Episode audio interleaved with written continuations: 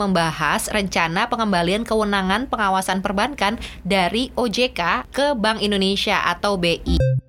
Kan lucu. Kalian gue awasin tapi wajib Iya. nyetor menyetor sepersekian persen Heeh, sama buat gue. gue. Ah. Menurut lu gue sebagai wasit bisa fair nggak?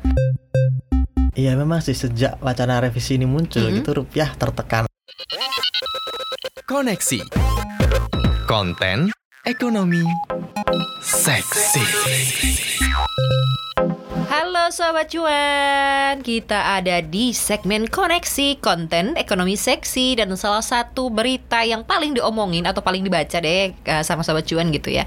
Ini masalah Bank Indonesia yang akan kembali mempunyai kewenangan untuk mengawasi bank-bank yang ada di Indonesia gitu. Apa sih sebenarnya yang selama ini dilakukan Bank Indonesia gitu? Kenapa dibalikin lagi pengawasannya gitu? Nanti kita tanyain, kita bahas bersama dengan lead researcher CNBC Indonesia Mas Argun. Halo Mas Argun. Halo. Ada juga Mas Novan, Halo. lead peliputan dari CNBC Indonesia. Nah, ini kita secara garis besarnya ini Mas ya yang gue baca nih, kan ceritanya gue nggak tahu apa-apa, bukan ceritanya sih emang kenyataannya. Jadi bang ya. gue juga kalau soal bank nggak terlalu ngerti ya. agak gitu. males gue. Tapi ini patut untuk kita mengerti gitu ya supaya kita dapat Iya, whole picture-nya gitu. Gimana sih uh, sebenarnya mekanismenya gitu. Nah, ini kalau dari cnbcindonesia.com jadi beritanya atau pack beritanya adalah Balik DPR RI ini lagi membahas rencana pengembalian kewenangan pengawasan perbankan dari OJK atau Otoritas Jasa Keuangan ke Bank Indonesia atau BI gitu. Padahal ini baru 8 tahun ya kewenangan pengawasan bank ini di OJK gitu sejak 2011. Nah, perwakilan tim ahli balik ini menyatakan rencana pengembalian kewenangan pengawasan perbankan itu tertuang dalam pasal 34 revisi Undang-Undang BI dan ditargetkan paling lambat kembali lagi pengawasannya ke BI ini dilaksanakan pada Desember 2023. Nah, sekarang pertanyaannya Mas Argun adalah apa sih sebenarnya tugasnya Bank Indonesia Iya. menjadi bapak dari para bank bank-bank yang ada? Kenapa harus ada OJK lagi gitu ya? Ah, gitu. Tugas Gimana sih pengawasan Mas? bank itu apa ya? Iya. Oke, kalau mungkin sobat cuan ini ya taunya bank ini ya bank-bank komersial gitu BRI Mandiri BCA Mm-mm. terus mungkin bertanya-tanya kenapa sih saya nggak bisa ke bank Indonesia sambil bawa duit terus bilang saya mau buka Mau tabungan nabung. gitu Mm-mm. nggak bisa gitu Ah, ah. Ya karena emang fungsinya dia bank sentral. Hmm. bank sentral tuh kayak istilahnya kalau di eh, istilah ekonomi itu lender of the last resort. Jadi ya pertahanan terakhir untuk para bank gitu. Jadi kalau bank-bank kita tahu Mandiri BRI dan lain-lain BCA itu jadi tempat tabungan Mm-mm. nah bank sentral itu menjadi semacam tempat tabungannya para bank Oh. gampangannya gitu Jadi bank-bank itu yang nabung ke si bank ini. Si bank sentral gitu, bank ini. sentral. Naruh duit di situ. Iya, artinya apa? Bukan berarti buka, buka tabungan gitu enggak, Mm-mm. tapi mereka uh, membuka fasilitas untuk menyerap dana-dana berlebih yang dimiliki oleh perbankan. Hmm. Menyerapnya dalam bentuk sertifikat berharga Bank Indonesia (SBI). Mm-mm. Itu nanti dibeli dan kemudian duitnya ditaruh di Bank Indonesia Mm-mm. yang beli bank-bank itu. Mm-mm. Atau kewajiban namanya reserve uh, ratio uh, rasio cadangan minimum yang harus disimpan oleh bank Hmm. itu apa jadi kalau taruhlah bank A punya eh, dana ya itu senilai 100 Mm-mm. nah dia mau muter ke masyarakat itu nggak boleh semuanya Oke, harus ada yang diendapkan gitu. Itu Nah, berapa persen Mas Bin? saat ini tiga setengah persen Oke, Ini- dari total 100 iya tadi dari ya. total 100 itu ibaratnya ya tiga setengah persen dari total dana itu angka terkecil karena ini gara-gara pandemi itu kayaknya baru diturunkan beberapa bulan yang lalu gitu Mm-mm.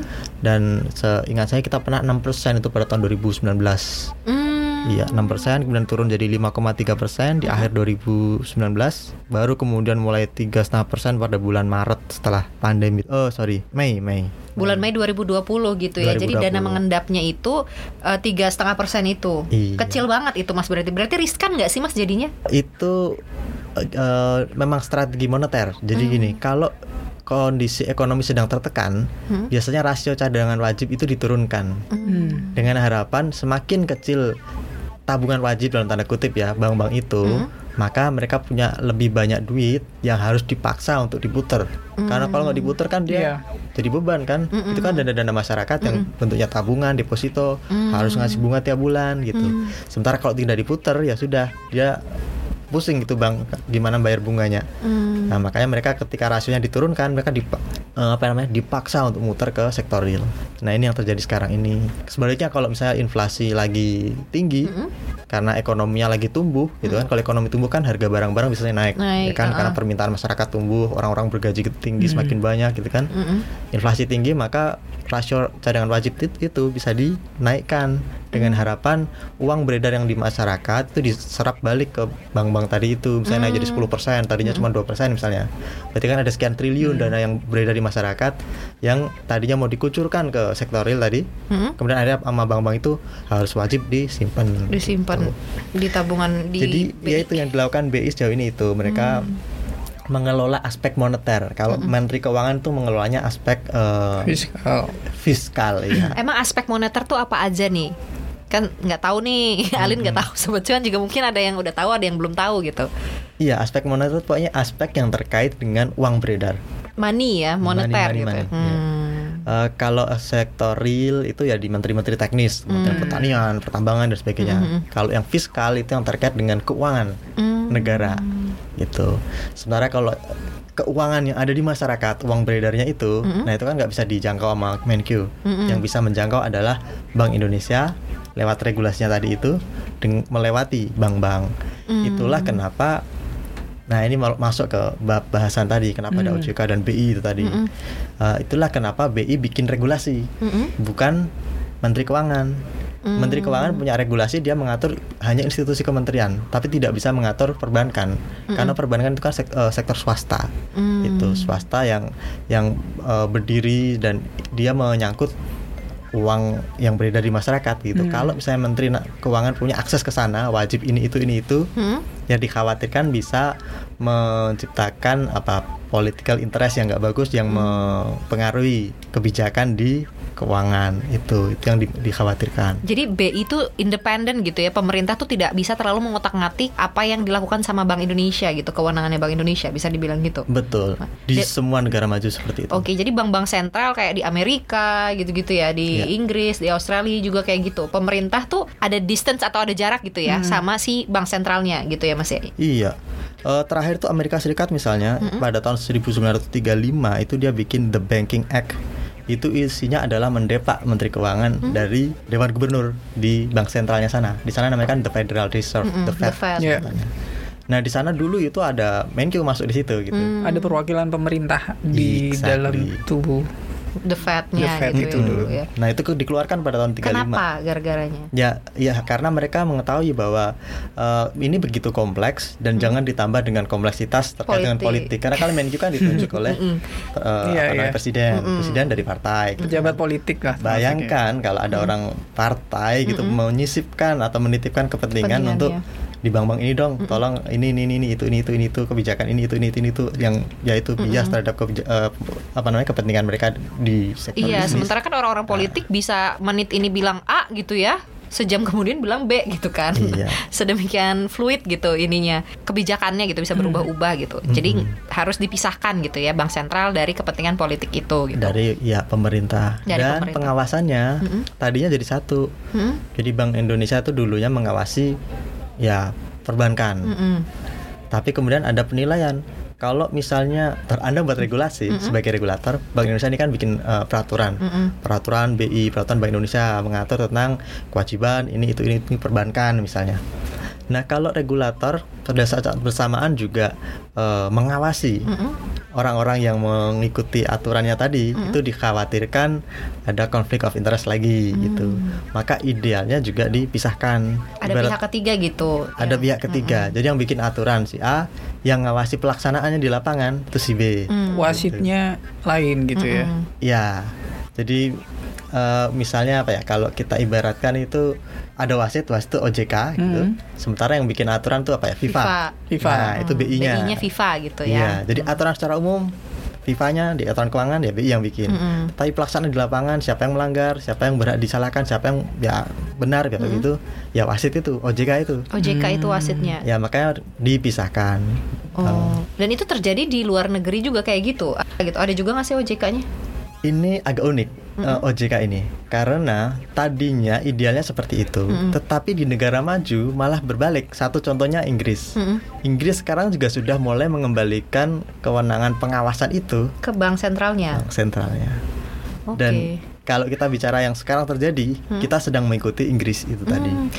Kenapa sih Mas? Apa karena maksudnya kan ini dari 2011 gitu ya, terus dievaluasi lagi mungkin kita Iya. nggak tahu lah di sana gitu dalam pelaksanaan pengawasannya entah mungkin ternyata tidak efektif atau gimana gitu. Inggris juga melakukan hal itu gitu kan ternyata. Apa yang yang menjadikan hal itu apakah karena kondisi ekonomi membuat hal itu terjadi gitu? Mungkin kalau di lembaga lain jadi lebih buang-buang duit nggak sih negara gitu ya? Saya nggak tahu sih makanya nanya gitu. Atau mungkin dari kinerjanya apa gimana?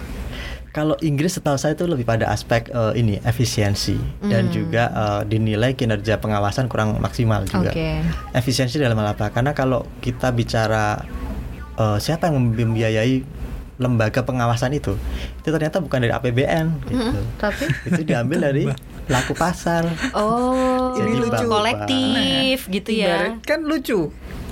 Kalian gua awasin tapi kalian wajib Bayar gue. ba- ba- wajib Iya. nyetor menyetor sepersekian persen Heeh, sama buat gua. gue. Ah. Menurut lu gue sebagai wasit Heeh. bisa fair nggak? Ya enggak lah kalau misalnya gue bayar lebih banyak dari Mas Argun, gue tinggal Iya. kasih note ke lu, tolong ya.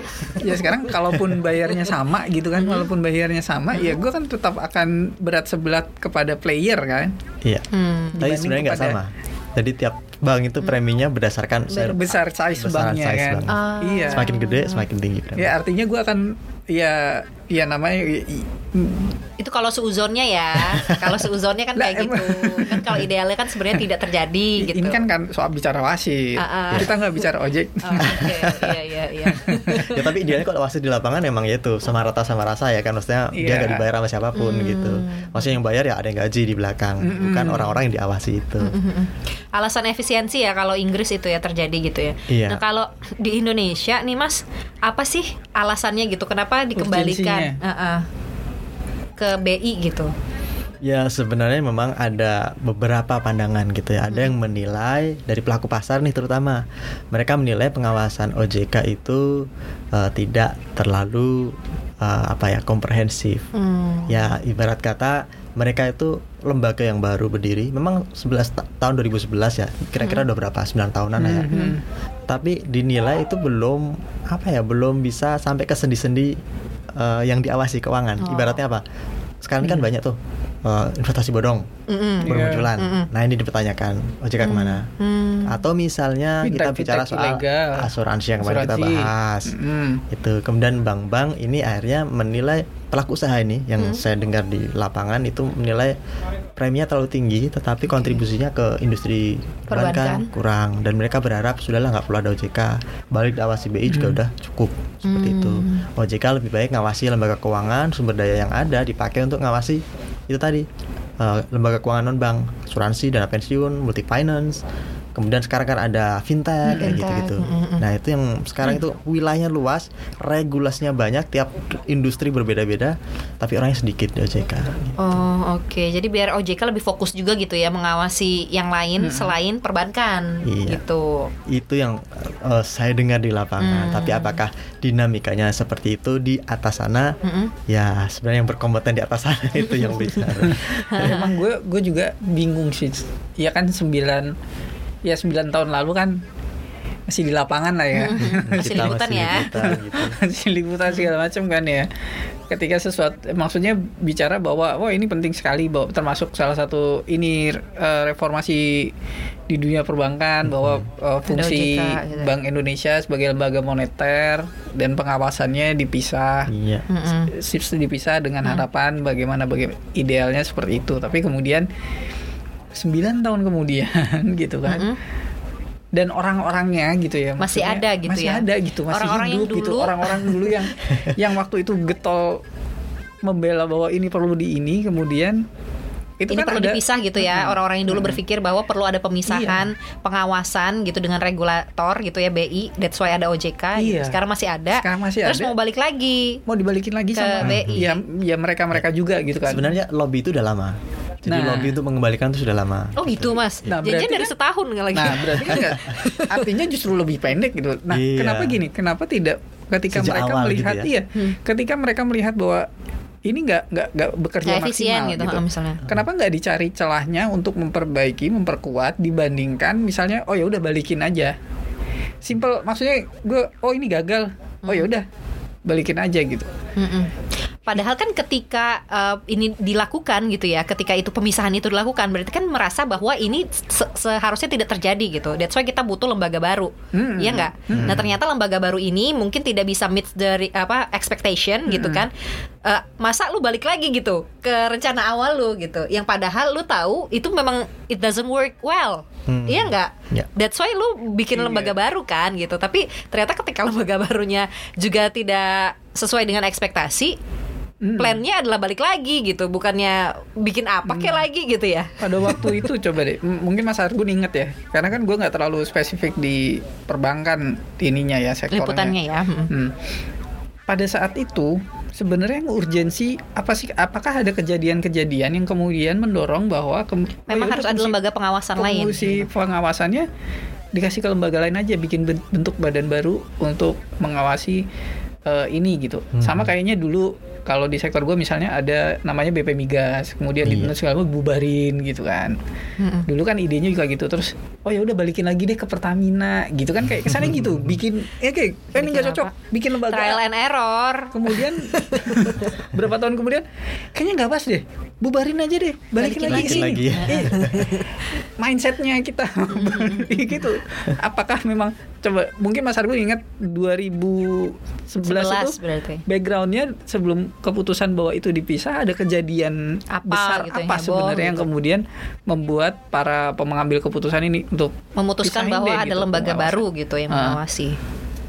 Iya, eh, itu dulu itu sebenarnya sejak zamannya Pak Agus Martowardoyo itu udah Hmm. mulai ada Coba, iya. lobby-lobby itu. Pak Agus waktu itu masih jadi Menq ya, iya Oh, masih gini. Menq Pak Agus Martowardoyo.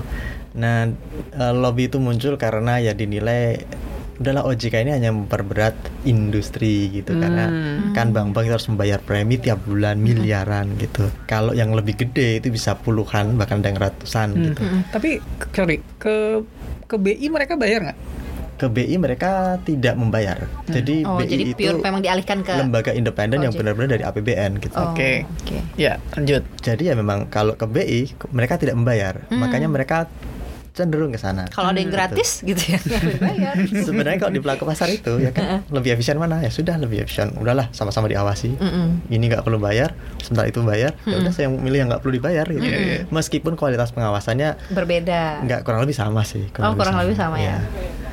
Oke, itu kemudian waktu itu apa yang terjadi? Kenapa sampai kemudian nekat bikin OJK? Ya, saat itu kan masih era-eranya kita tahu ya tahun 2008 2009 itu kan krisis uh, subprime mortgage loan gitu. Jadi Lehman Brothers eh, perusahaan keuangan sebesar itu gulung tikar. Kemudian muncul di apa namanya di dunia internasional tuh eh, misalnya ada yang muncul Sarban Oakley Act itu dia kayak mengatur pengawasan perpajakan lebih detail lagi antar antar negara gitu. Kemudian juga soal laporan keuangan diperbaiki lagi. Jangan sampai Lehman Brothers kejadian. Termasuk pengawasan perbankan saat itu. Nah, dengan spirit itu ada yang meng apa namanya ada apa namanya kekuatan politik di Indonesia yang ya udah kita bikinlah eh, OJK ini untuk mem- apa melanjutkan atau mengupgrade fungsi yang sudah ada sebelumnya Bapepam dulu namanya. Ya. Badan Pengawas Pasar Modal dan Lembaga Keuangan Bang LK LK. itu dibawahi Menteri Keuangan tadinya. Hmm, mm-mm. otomatis duitnya dari Menq APBN Mm-mm. Nah, tetapi Bapepam LK dinilai ya pengawasannya kecil nih, dia perlu diperbesar gitu. Termasuk ke perbankan. Makanya dia diharapkan independen, tidak lagi bergantung pada uh, Kementerian Keuangan duitnya. APBN Nah, independennya sayangnya yaitu mengut premium Ambil dari dari, pelaku pasar. Idealnya sih dari APBN, tapi kan APBN kita terbatas. Hmm. Dan di sisi lain juga ada yang menduga itu salah satunya untuk me- ya memberi ruang lah untuk beraktivitas atau berkreasi untuk para senior senior di pemerintahan dan juga di uh, Bikin termasuk kantor, di Bank iya. Indonesia sendiri. Hmm, gitu. biar ada kantor Mm-mm. Iya gitu ada mainan tempat baru gitu. aktualisasi Oh yang iya, baru. aktualisasi diri bener itu. oh gitu. Karena kan mungkin masih bisa dimanfaatkan gitu ya ilmunya, pengalamannya gitu kan. Iya. Tapi mungkin ada hal-hal yang lain yang tidak bisa dilakukan kalau orang-orang ini ditempatkan di tempat lain gitu. That's why dibikinin tempat sendiri. gitu sobat cuan ya. Oke, berarti backgroundnya adalah termasuk ada krisis 2008 2008 itu kan. Ya, itu kan mulai dibahas di tahun iya. itu.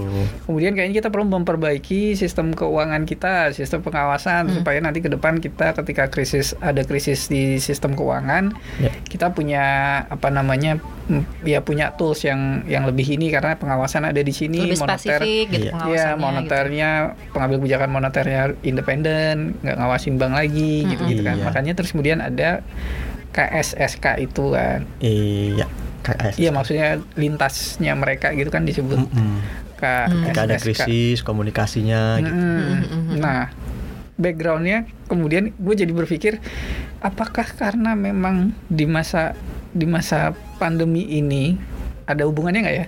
Coba mungkin Mas Argun bisa. Eh, kondisi lagi gini, bank lagi seret, kemudian iuran tetap berjalan. Nggak turun kan itu Iya maksudnya iuran tetap berjalan harus gitu kan. bayar. Terus maksudnya kredit banknya kemudian juga agak ya kan Lagi dengan kondisi ini kan ya. kreditnya bank juga kredit NPL-nya non performing loan-nya kemudian tinggi, naik ya. kemudian mereka juga Tinggi. di satu sisi sebenarnya harus tetap beri Bayar. iuran segala macam ke ini dan kemudian akan memberatkan eh, industri lebih lagi gitu kan kemudian akhirnya wacananya wacananya dialihkan lagi pindahin lagi ke BI atau memang ada hal esensial yang memang dari sisi pengawasan memang tidak apa ya nggak jalan gitu. Kayak kayak misalnya oh ternyata ada bank eh, bank-bank nggak diawasi karena mereka menjalankan praktek yang ini atau untuk pengawasan bank sendiri ya. Kalau asuransi kan mungkin lepas dari bank kan non bank kan ya. Mm-mm. kalau kita lihat kinerjanya pengawasan asuransi memang mungkin perlu diperkuat di situ juga gitu. Nah, cuma yang bank ini apakah memang ada ada nggak sih ini hal yang paling esensinya yang memang menjadi pengawasan bahwa ini kok nggak diawasin sih ini gitu. Diperbankan. gitu Diperbankan sama oleh OJK. eh, oleh OJK. Oke. Maksudnya kasus-kasus yang kayak gitu. Ya dulu yang paling besar kan ya memang ada beberapa bank yang dinilai sistemik gitu. Hmm, hmm. Sempat bocor tapi ternyata ya bisa diredam, tidak sampai meledak. Eh, kalau kasus yang apa bank yang sampai gagal dan membuktikan kegagalan OJK sih sebenarnya nggak ada ya. Nggak ada ya. Nggak ada. Hmm. Jadi kalau Bank Senturi itu kan tahun 2000 berapa tuh? 9 kan? Iya. bel- belum ada belum ada belum OJK. ada oh, ini OJK jadi memang setelah itu ya dengan kasus KKSK kemudian O- Bank Senturi Hmm. yaitu ada harapan ketika ada lembaga khusus yang mengawasi itu biasa bisa mengawasi lebih intens lagi agar nggak ada lagi Bank Senturi gitu Hmm, ya. hmm, hmm. Mm-mm. Tetapi kan Bank Senturi ini kasus yang khusus juga karena ada ka- eh, krisis keuangan dunia juga, pasar modal bergolak dan dia eh, lagi tidak bagus pengelolaannya, makanya dia jadi yang pertama ambruk gitu. Nah, Hmm. Apakah ketika kondisi normal bank-bank lain juga mengalami sama kan enggak? Nah, kebetulan OJK saat mengawasi tahun 2011 itu kan kondisinya normal. Baru ada krisis tahun dia sekarang ini. Mm-mm. 2000. Dulu ada mini krisis tapi nggak sampai efeknya gede pada tahun 2013 gitu Hmm. tapi yang nggak sampai memukul sektor keuangan di Indonesia. Jadi ya, kalau dibilang apakah OJK gagal mengawasi perbankan, overall ya kita tidak bisa bilang mereka gagal. gitu. Iya. Uh, Kalau kita uh, maaf ya, parameter kegagalan misalnya ada bank yang seperti Bank Senturi. Uh, tidak ada kan yang bank yang gagal saat ini saat Uh-uh. di bawah pengawasan OJK. dari 2011 itu gitu ya. Tapi kalau kita bicara lembaga keuangan mungkin ada Banyak kasusnya banyak kasus kemarin kita bahas asuransi, Mm-mm. kemudian ya investasi investasi bodong bodong. itu dinilai harusnya jadi ranah OJK tapi kan OJK bilang ya kadang mereka beroperasi di wilayah Kementerian U- UMKM misalnya Oh. bikin koperasi izinnya gitu-gitu ya loh. terkait Hmm. izinnya gitu ya. izinnya jadi ya emang mereka biasanya melepasnya ke satgas investasi jadi ya kalau kita bilang OJK gagal di perbankan kayaknya kok Hmm. Enggak, Enggak juga, Enggak juga gitu ya. tapi emang ini lebih murni pada sepertinya lebih pada efisiensi itu tadi Mm, karena pelaku pasar ya itu sih prinsipnya adalah kalau ada yang gratis kenapa gua harus Itu bayar bukan bukan bukan pelaku pasar termasuk kita juga. kita ya. juga gitu. semua Tapi sebenarnya yang karena yang diawas mendorong ini juga dari pelaku pasar lobby-lobby tahun sejak zaman Pak Agus Marto ya dari pelaku pasar sebenarnya pengawasan yang seperti apa sih yang dia yang dilakukan oleh si lembaga pengawas ini? Misalnya gue sebagai bank, Mm-mm. yang kalian awasin dari gue tuh apa? Operasional yang kayak gimana? Apakah Hmm. misalnya gue nggak boleh eh, ngambil mungut bunga bunga bank seenaknya, bunga kredit seenaknya, ataukah misalnya ada aturan-aturan tertentu yang memang mereka harus wajib sebenarnya. Ya pengawasannya sebenarnya apa aja yang diawasin mas? Benefitnya gitu ya untuk Iya. kita sebagai bank gitu. Iya sebagai bank gue diawasin dari sisi apa sih gitu? Heeh.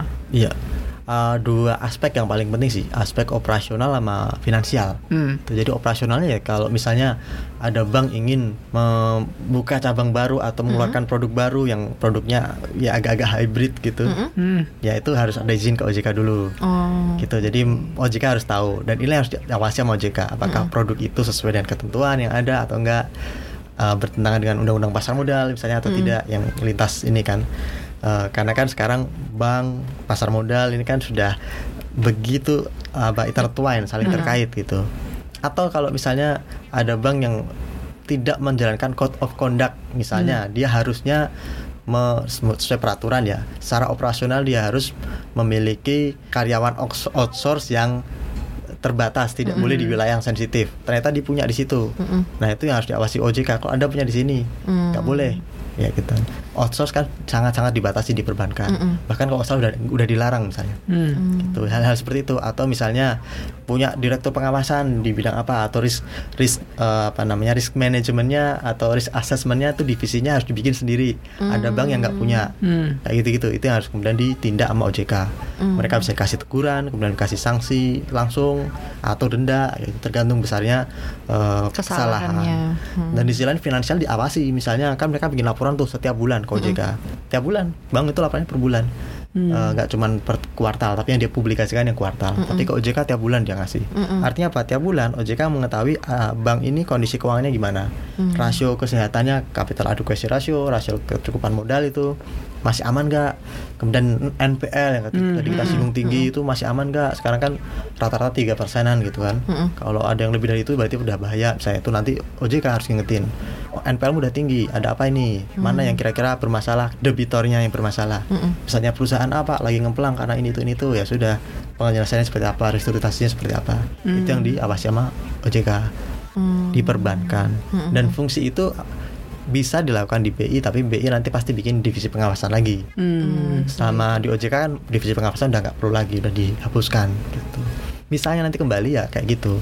Dan nanti OJK otomatis fokus di kayak Bapepam dulu. Cuman bedanya Bapepamnya udah nggak di bawah Kementerian Keuangan gitu. Independen aja independen. gitu jadinya. kenapa dulu jadi di independen? Kan ya itu divisinya bank aja nggak di bawah Menq masa asuransi di bawah Menq gitu. Pengawasannya gitu ya. Mm-mm.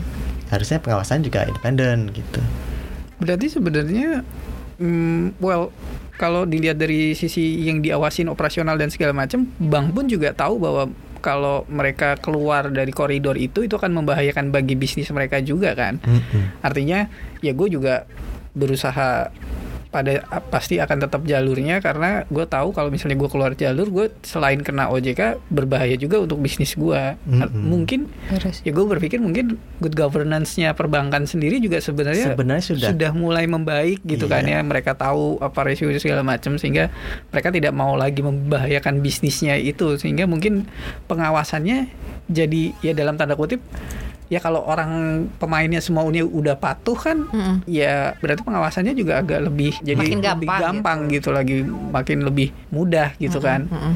sementara pema di sisi playernya gue lah gue patuh karena memang ini bisnis gue harus seperti ini gitu as it is Ya, perlu ada pun itu nggak perlu gitu. ada Mm-mm. kalian Iya. pun sudah patuh ibaratnya gitu iya kan sehingga ngapain lagi gue harus keluar uang bayar premi untuk diawasi gitu. Mm-mm. Ya. sementara urusan jaminan kalau gue ada sesuatu itu di LPS Hmm. Iya. Iya. Ha-ha. gitu ya mas ya iya iya ya itu memang eh, apa namanya keberatannya pelaku usaha di situ Hmm. tapi awal awal dulu dibentuk kan spiritnya ya ini demi kebaikan bersama dan saat itu kondisi masih baik baik saja gitu Mm-mm. Sekarang Karena kondisi ketika berubah kondisi ya. lagi tertekan sejak tahun Iya. 2019 perang dagang Mm-mm. efek-efek ekonomi sementara ya perbankan juga sudah mulai ada marginnya masih ya mulai menipis Mm. tipis-tipis gitu jadi ya mereka kalau bisa memotong kos dan kos salah satunya dari situ bisa jadi Mm-mm. gitu. Nah, Mas ini kan tadi udah tahu ya bagaimana rules-nya atau mekanisme pengawasannya selama ini gitu perbankan di bawah OJK gitu. Nah, ini kan rencana untuk dikembalikan lagi pengawasan atau fungsi pengawasan itu ke Bank Indonesia. Kalau reaksi dari pasar sendiri gimana sih? Karena tuh ada beberapa berita ya, salah satunya di CNBC Indonesia juga wacana revisi Undang-Undang BI ini menurunkan kepercayaan pasar. Apakah iya? Menurut ekonom tuh kayak gitu. Tapi kalau Mas Argun lihat gitu di kondisi realnya gitu, gimana sih? Iya memang sih sejak wacana revisi ini muncul Mhm. gitu rupiah tertekan. Sekarang kan udah tadi berapa 14.750 kan. Mm-mm. Padahal eh ya 14.750. Padahal eh, sebelum ada wacana itu rupiah kita di kisaran 13.000. Hmm. 13.900 gitu. Mm-mm. Eh, ini menunjukkan bahwa pelaku pasar global terutama melihat ini langkah mundur. Kalau memang tujuannya positif untuk mengatasi pandemi, Mhm. seharusnya kan pasar re- eh, reaksinya positif dong. Positif. mm-mm. Mereka percaya wah ini akan ada perubahan. Baik saya akan masuk lebih banyak membeli aset karena aset di Indonesia tuh keuntungannya masih ada dan aman dan tidak ada eh, risiko apa namanya political interest Mm-mm. di investasi gitu. Tapi ketika ada dinamika seperti ini mereka menahan dulu, mereka milih keluar dulu.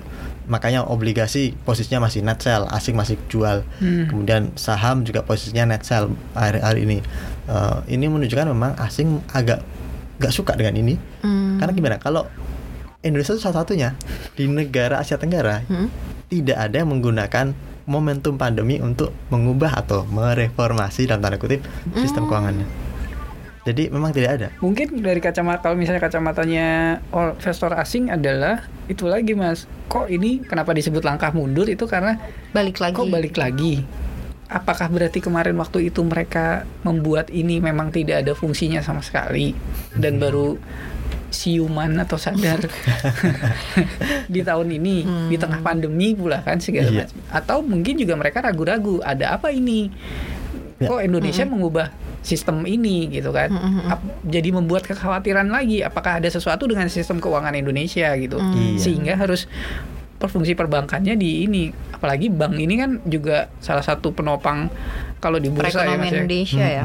Bank-bank itu kan Hah? ini juga kan Simbol salah satu di yang darah ibaratnya kalau iya apalagi kalau misalnya ada kekhawatiran wah ini jangan-jangan sebenarnya pengawasan bank ada apa-apa nih jadi Hmm. dibalikin ke BI Hmm. kekhawatiran itu yang kemudian secara psikologis mungkin ini ya Ya, mengganggu Hmm. ya, ya. Ya, ya, saya setuju kalau kalau kita ngelihat apa pasal-pasal yang mau diubah di Hmm. revisi undang-undang itu kan yang terkait dengan independensi BI. Hmm. Independensi BI ini harga sebenarnya harga mati nih kalau di negara maju. Kenapa? Karena kalau kita ngomongin soal penetapan suku bunga gitu kan Mm-mm. atau fungsi BI untuk mengeluarkan atau menyerap obligasi pemerintah Hmm. itu seharusnya sesuai dengan mekanisme pasar gitu.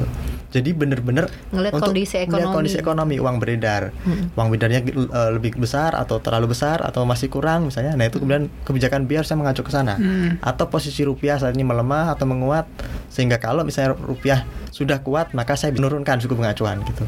Karena kalau udah rupiahnya stabil kan berarti udah nggak perlu dijagain. Mm-mm. Jadi suku bunga diturunkan, imbal hasil obligasi Hmm. ya biasanya emang ikutan turun dan akhirnya obligasi kita misalnya tadinya ngasih keuntungan 8% karena suku bunga turun jadi 7% misalnya yieldnya turun jadi 7% Hmm. rupiah kan jadi relatif tertekan secara teori karena orang akan milih yaudah saya milih obligasinya Filipina aja yang 8% Uh, uh, ibaratnya gitu. tempat lain.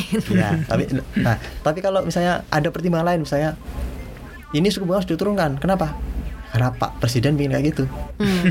ibarat Mm-mm, ini kan ibaratnya ya mm-mm. atau Pak Menteri ini pingin itu kayak gitu kan Mm-mm, nah ini yang jadi kekhawatiran pasar otomatis nanti akan distors ada kekhawatiran ya ada distorsi kebijakan bank sentral Eh, uang beredar akhirnya tidak lagi jadi acuan tetapi itu kepentingan untuk menyelamatkan apa pun Iya. menyelamatkan ekonomi lah dan- atau menyelamatkan ya apa pun lah Hmm. itu yang jadi khawatiran karena kan itu pasal 9 itu yang dia ubah Hmm. itu di Undang-Undang BI tahun 1999 yang kemudian diperbarui itu tahun 2004 kalau nggak salah itu menyebutkan bahwa pihak lain itu dilarang ikut campur terhadap tugas BI. Nah itu akan dihapus atau di otak atik menjadi 9A, 9B, 9C di Perpu ini nanti. Dan itu di antaranya ya tadi pemerintah bisa ikut campur dalam pelaksanaan tugas BI. Mm. Itu kan seperti pada masa Orde Baru. Mm. Dulu zamannya Pak Harto emang BI di bawah Menq Hmm. sejak tahun 1953 itu kayak gitu. Nah ini yang kemudian bikin pasar, waduh kok ini ya tadi setback Mm-mm. gitu. Jadi khawatir gitu Karena ya. kekhawatirannya adalah karena kan BI ini kan memang kebijakan moneter. Mm-mm. ngatur wi- salah satunya misalnya nilai tukar gitu kan. Iya. khawatirnya adalah dipakai sebagai kekuat dalam tanda kutip per- eh, alat politik adalah tolong dong nilai tukar rupiahnya dikuatin. Padahal memang kondisi pasar nggak bisa nggak begitu bisa gitu. gitu. Iya. Mau terus kemudian pemerintah inter- intervensi gitu kan. Bank Indonesia mungkin dalam tanda kutip bisa aja tapi kan bukan seperti itu caranya gitu kan.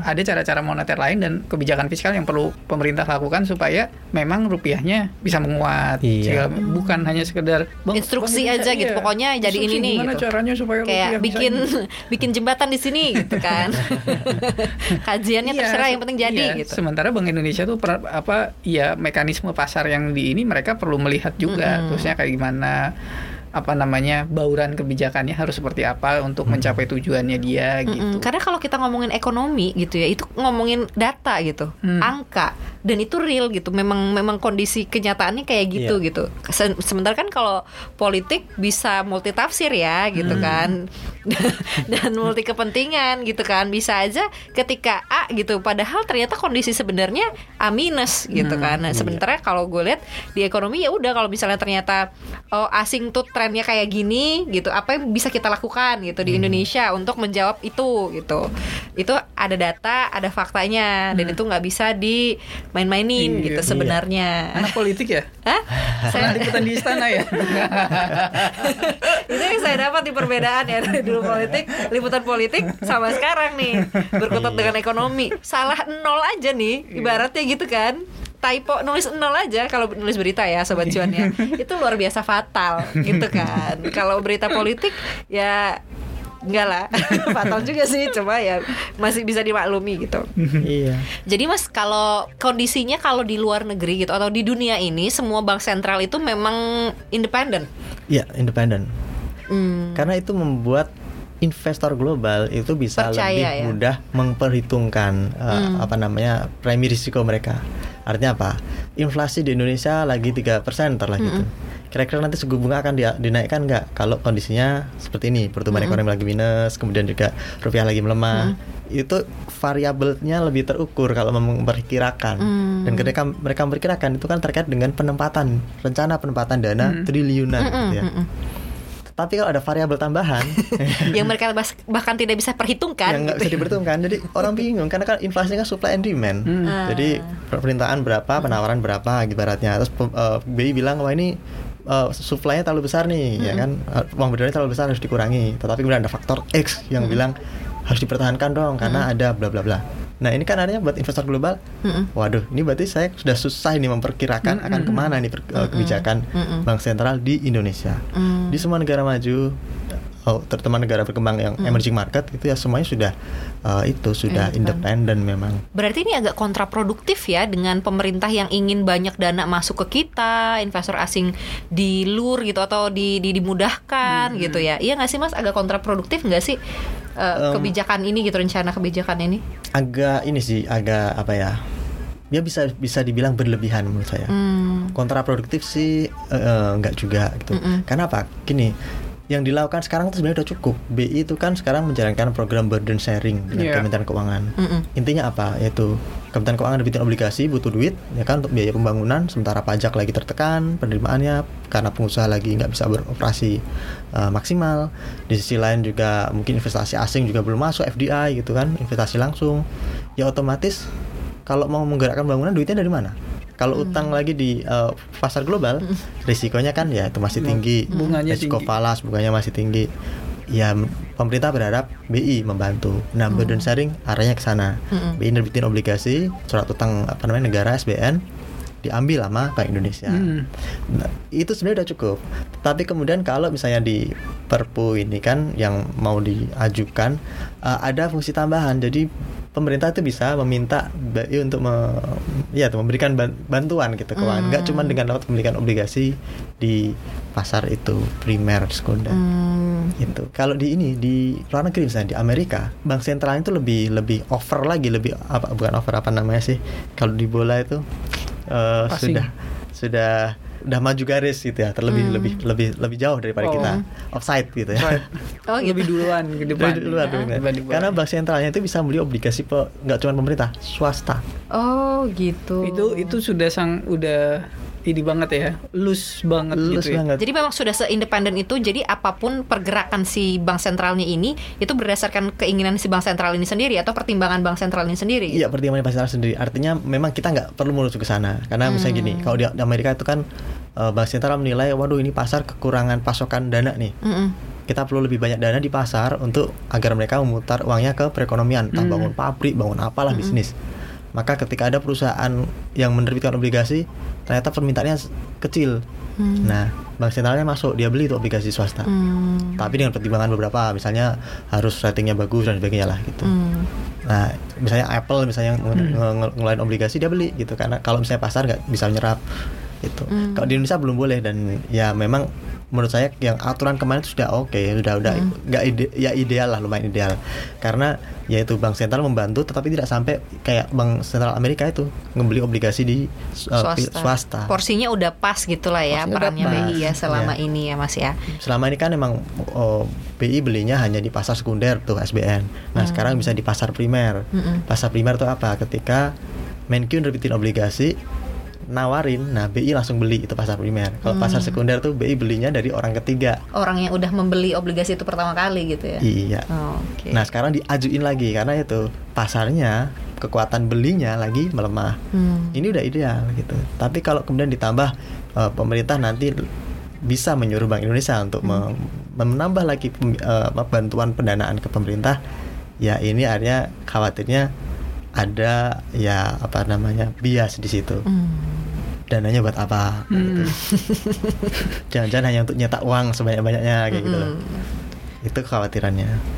Tapi sejauh ini apakah ke sana ya ini kan masih tarik ulur gitu di DPR. Ya kalau gue sih lebih agak mencoba memahami saja gitu apakah ini memang dampak ya memanfaatkan dampak pandemi ini segala macam kemudian dijadikan momentum bahwa eh kita rubah ini sesuai keinginan segala macam ini gitu kan. Tapi dampaknya ke market juga kan istilahnya dampaknya ke investor per- bisa bisa kelihatan gitu. Sebenarnya pemerintah juga udah udah beberapa kali kan kayak gitu. Kita ubah ini kemudian Balik lagi. Iya, artinya kebijakannya juga kurang konsisten gitu. Kalau memang mereka konsisten ya dibenahi struktur badannya gitu, lembaganya, bukan hanya kemudian terus main dibalikin gitu kan. Udah balikin aja ke sini nanti ini ini ini ini. Mungkin masih mencari bentuk kali ya, karena bangsa ini juga masih muda kan ada kan yang gitu ya. Kita masih trial and error. Indonesia tuh baru 75 tahun umurnya gitu kan. Tapi kan dampak dari buat anak coba kalau anak kan masih muda kan lu bilang kan. Berarti kan masih anak-anak. Ya kalau buat anak ya jangan coba-coba. Betul ya. Biar sustain gitu, biar ke depannya panjang umurnya Iya, gitu. paling tidak kita paling tidak bisa inilah bener kalau gue bener kata Mas Argun dengan kondisi kayak gini kok dipaksain sekali gitu kenapa Hmm. tidak menunggu sesuatu yang misalnya udah tenang dulu pandemi sudah berlalu segala macam gitu gitu artinya ya. itu kan menilai bahwa oh kayaknya memang uh, Ini lebih jernih gitu ketika ngambil gitu keputusan ketika- gitu Mm-mm. bukan ketika banyak numpuk masalah nambah lagi isu gitu kan pandemi aja sekarang juga makin jadi kan dalam tanda kutip makin Kita di lockdown sama negara lain katanya. Iya. Karena kita nggak mau nge-lockdown negara sendiri, kita, Kita di lockdown. sama negara-negara lain. Tuh. Jadi ada larangan ya kita untuk ke neg- beberapa negara gitu. Dan beberapa negara juga warga negaranya nggak boleh masuk ke Indonesia gitu. Iya. Ya mungkin concernnya di situ sih. Uh, artinya kita memang perlu mengkritisi tapi spiritnya pemerintah ya kita harus husnudon lah. Ini kondisinya mungkin berusaha untuk memperbaiki keadaan, tapi jangan sampai over gitu. Ada pasal-pasal yang memang perlu misalnya tadi burden sharing, oke lah itu diperlukan kondisinya seperti sekarang. Tetapi apakah perlu ada dewan moneter misalnya? Itu kan ada disebutin tuh dewan moneter di mana Menkyu ntar jadi ketuanya. Hmm. Itu udah Makin banyak lagi kerjaan di Menkyu tuh. Iya, dan itu udah konkret sama seperti zaman Orde Baru gitu. Apakah perlu Iya. seperti itu? Gitu kan enggak. Artinya kalaupun memang perlu ada pelibatan BI dalam pem- eh, membantu pembiayaan anggaran negara APBN, itu kan bisa dibicarakan antara BI dengan Menteri Keuangan dengan mekanisme ya antar lembaga. Iya. Sama-sama setara, sama-sama ngasih pertimbangan dan BI juga akhirnya kalau alasan ras- rasional dan kondisinya memungkinkan pasti BI akan membantu itu tanpa harus ya di bypass dengan sudahlah BI di bawah Menkeu aja jadi nggak perlu. Jadi nurut perlu- ya. jadi nurut gitu. Ya ini kan artinya ada proses demokrasi dan juga apa namanya rasionalisasi kebijakan di sistem keuangan kita yang di bypass gitu. Mm-mm. nah ini yang mungkin buat pelaku pasar atau investor asing tadi itu Hmm. itu yang agak mengkhawatirkan gitu. Burden sharing aja buat pasar udah agak mengkhawatirkan karena apa? Ketika BI masuk jadi pembeli itu obligasi pemerintah itu kan berarti uh, kekuatan apa namanya antara offering sama sama demandnya itu imbang. Hmm. Pemerintah ngeluarin satu, BI siap ngambil satu. Mm-mm. Nah kalau dulu pemerintah ngeluarin satu, yang minta cuma setengah pasar. Hmm, mm-mm. Biasanya gitu. Sebenarnya kekuatan pasar itu kan gede 10 atau 15. Mm-mm. Tapi mereka ngasihnya setengah. Biar apa? Kondisi posisi tawarnya gede. Mereka dapat bunga lebih tinggi. Jadi Menkyu harus ngeluarin obligasi dengan bunga yang tinggi gitu kan. Mm. Tapi ketika BI datang, maka investor asing juga, "Ah, udah ada BI." Jadi gua kalau mau ngasih penawaran kecil, udah dilibas sama BI gitu kan. Jadi tektokannya antara mereka aja gitu ibaratnya ya. Ya artinya Iya. sudah sudah dalam tanda kutip menye, buk- dalam tanda kutip kayak meng- melanggar mekanisme pasar. Mekanisme pasar. Hmm. Ya, karena kan apa permintaannya sudah pasti ada. Jadi investor kalau mau beli jadi ikut aduh ikut apa namanya kekuatan paling besar. BI mintanya oh, bunganya segini misalnya, yieldnya Mm-mm. segini. Ya udah ikut. 5%, ada mereka ya kekuatannya ya nggak sebesar sebelumnya. Hmm. Nah, itu yang bikin pasar agak nggak happy sebenarnya. Tapi kan dengan kondisi sekarang sudahlah gitu ya. Sama-sama mengurangi keuntungan dikit aja nggak apa-apa gitu. Tapi kalau ada ya tuh sampai independensinya Bank Indonesia dilanggar atau dihapuskan, itu yang kok kayaknya sayang banget gitu kan. Sejak tahun reformasi itu kan perubahan terbesar salah satunya BI tahun 99 itu. Mm-mm. Undang-undang tentang Bank Indonesia tahun 99 keluar gitu. Hmm. Zamannya Pak Habibie kalau nggak salah itu. Hmm. Nah, kalau kemudian sampai dihapuskan kan waduh kembali Waduh, lagi berarti iya. kita. Jadi harusnya kita udahlah berimbang kalau memang mau memperbaiki sistem keuangan di tengah pandemi Mm-mm. secara proporsional saja gitu. Hmm. Apakah perlu sampai Bank Indonesia di independensinya dihapus kayak gitu Mm-mm. atau dikurangi di diskon? Mm-mm. Fokuslah pada yang paling penting dan paling urgent gitu ya saat ini gitu ya, harusnya. Ya dan eh, saya tarik itu tadi eh, statementnya Mas Novan. Apakah pelaku pasar juga melihat, wah ini jangan-jangan ada problem nih sehingga perlu direformasi gitu kan? Mm-mm. Eh, emang ada satu pasal yang kesannya itu memicu eh, apa namanya penafsiran bahwa ini kayak ada sesuatu yang sehingga perlu dibikin aturan baru yang mengatasi sesuatu yang buruk itu. Hmm. Hmm. Nah, sesuatunya apa itu? Apa itu? Misalnya ada di pasal eh, 11 Eh, di draft RUU itu nyebutin bahwa BI bisa menyelamatkan bank sistemik yang gagal lewat fasilitas pembiayaan darurat. Hmm. Nah, sebelumnya nggak ada. Jadi sebelumnya itu harus KKSK dulu. Ini yang dulu kemudian menyebabkan Bank Senturi Bank Bank Senturi kan juga kemudian di ini karena ada IDBI juga ya. Ya. ya. Artinya ada dana fasilitas, Fasilitas. yang dikeluarkan oleh Bank Indonesia, Bank Indonesia kepada Bank Senturi itu kan ya. Ya, sehingga ada yang kena masuk penjara sampai sekarang kan orang Bank Indonesia. Iya. Tuh, itu pejabatnya kalau salah. Dan itu kemudian akan keluar lagi. Ya, Maksudnya aturan itu akan aturan diberlakukan itu lagi gitu. akan diizinkan lagi melakukan fasilitas pembiayaan darurat gitu. Hmm. Kalau ada bank sistemik ya itu. Hmm. Nah, ya itu akhirnya pelaku pasar melihatnya, waduh berarti ini kemungkinan lagi berjaga-jaga. Hmm. Mungkin ada beberapa yang bank sistemik yang perlu fasilitas pembiayaan darurat sehingga kemudian disetting seperti Iya, itu. Jadi landasan hukumnya dibikin lagi. Mm-mm. Padahal kalau melalui mekanisme sekarang ini kan harusnya kita sudah arahnya itu udah bukan lagi bail out ibaratnya, Hmm. tapi bail in. Hmm. Jadi industri udah nyiapin dana buat dirinya sendiri gitu untuk kalau ada apa-apa gitu. Jadi itu spiritnya kayak gitu kayak gitu idealnya. Tapi sekarang kondisinya mungkin agak berubah. Jadi ya ada arah ke sana dan pasar menafsirkan mungkin ada beberapa seperti itu. Tapi kalau menurut saya sekalipun misalnya ada bank-bank yang ya bermasalah gitu, gitu. ya selesaikan secara bisnis to bisnis. Hmm. Kan ada ini kesempatan untuk mengkonsolidasikan industri perbankan. Jumlah Iya. bank ada ratusan. Dengan adanya bank yang kesulitan di tengah krisis, which is wajar sekali terjadi, bukan sesuatu yang menakutkan. Ya sudah bank-bank ini yang turun tangan, yang sudah ada yang bank besar mengambil alih, mengakuisisi dan sebagainya ya. dengan mekanisme bisnis to bisnis. Hmm, mungkin salah satunya di, mungkin di mergerin gitu ya nggak sih mas? salah Merger, satu ininya. akuisisi gitu. Oh, oke. Dan itu justru mekanisme yang akan lebih membuat perbankan makin sehat, Sehat. secara ya ibarat imunnya gitu kan makin mereka tahu apa ininya gitu kan Hmm. dibandingkan penyelamatan yang memang harus gelontorin uang. Uang lagi dari APBN. APBN kan duitnya dari mana? Dari pembayar pajak ya kita kita juga gitu kan. Tuh. Ini ada sobat cuan yang nanya sih kan terkait dengan eh, merger tadi ya itu bisa menjadi salah satu jalan gitu ya berarti untuk si perbankan ini menguatkan dirinya sendiri tanpa ibaratnya minta pertolongan Mm-mm. eh, dari Bank Indonesia. Kan kita buka pertanyaan nih di cuap-cuap cuan. Ada yang nanya gini sih, Min, isu merger bank syariah progresnya gimana? Semakin ke sini semakin hilang. Kayak gitu. Kayaknya Ini kayaknya yang mau koleksi saham-saham ini nih. kayaknya ada yang Eh, apa bank syariah nih? mau iniin saham syariah.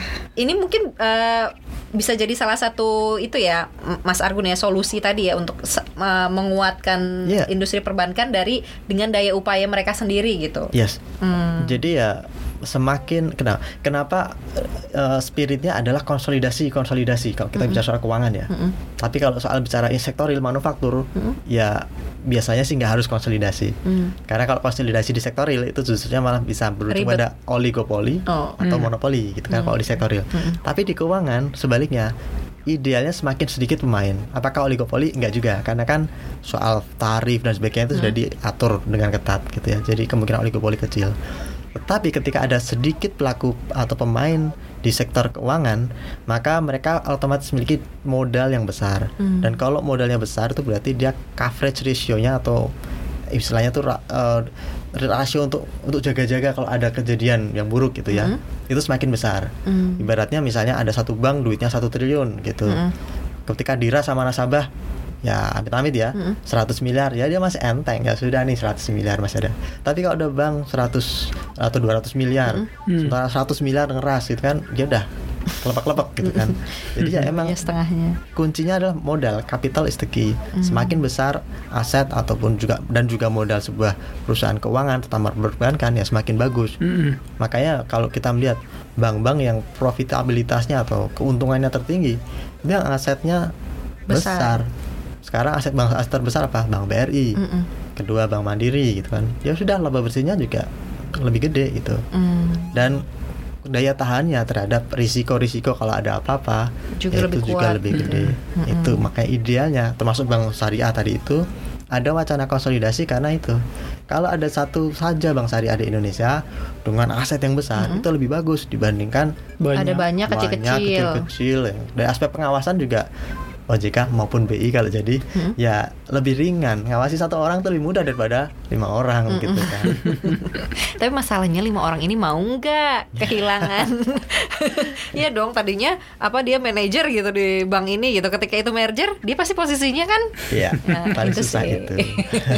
Banyak kepala di dalamnya. Mm-mm. Begitu sobat cuan. Ada lagi nggak Mas Argun yang belum dibahas? Ini saja sih ke pembiayaan sementara kepada pemerintah tadi itu sebenarnya eh, kalau di kondisi sekarang masih menurut saya masih fine fine saja. Mm-mm. Ya ke- eh, dan itu sebenarnya spirit yang sudah dikeluarkan atau di, dis- ditunjukkan ketika pemerintah mulai mengisyaratkan akan ngambil kebijakan eh, helikopter uang. Jadi itu Bank Indonesia benar-benar backup aspek penganggaran di pemerintah. Backupnya ya tapi terbatas gitu. Mm-mm. Meskipun terbatas tadi udah agak dinyinyirin ibaratnya sama investor asing. Waduh, udah nggak bisa dapat margin tinggi nih. Mm-mm. Tapi menurut saya itu udah ideal, tidak perlu lagi lebih jauh dari situ. Gitu. Mm. Jadi apakah independensi perlu and independensi BI perlu disikut-sikut ya? Saya pikir jangan dulu. biarkanlah BI tetap independen gitu ya Iya. biar juga pelaku pasar dan juga investor asing percaya sama kita gitu ya Mas Argo Begitu. Mm-mm. Mas Novan ada Nggak ada gue. nggak ada ya kita doakan saja ini kan masih sebenarnya rencana undang-undang Iya, sebenarnya gitu kan ya kita berharap anggota dewan dan juga stakeholder terkait gitu cukup bijaksana lah untuk mempertimbangkan apakah perlu nih pasal-pasal yang mungkin terkait independensi BI itu gitu diketok palu disahkan gitu ya. Semoga penilaiannya komprehensif dikaji jangan buru-buru. Sukanya kan biasanya buru-buru ya? Iya. Nanti mundur lagi kayaknya. gitu kita doain aja ya. Semoga kebijakan yang diambil adalah kebijakan yang paling baik dan tidak terlalu politis. Meskipun semua memang politik ya ujung-ujungnya gitu. Gitu aja deh sobat cuan. Terima kasih Mas Argun ya. Kita ketemu lagi di koneksi selanjutnya. Mas Novan Ya. terima kasih juga. Sobat cuan terima kasih. Tetap sehat tetap memakai masker hand sanitizer dan kalau bisa kalau di rumah aja bisa di rumah aja ya. Mm-mm. Mm-mm. ya udah ya. Dah sobat Bye. cuan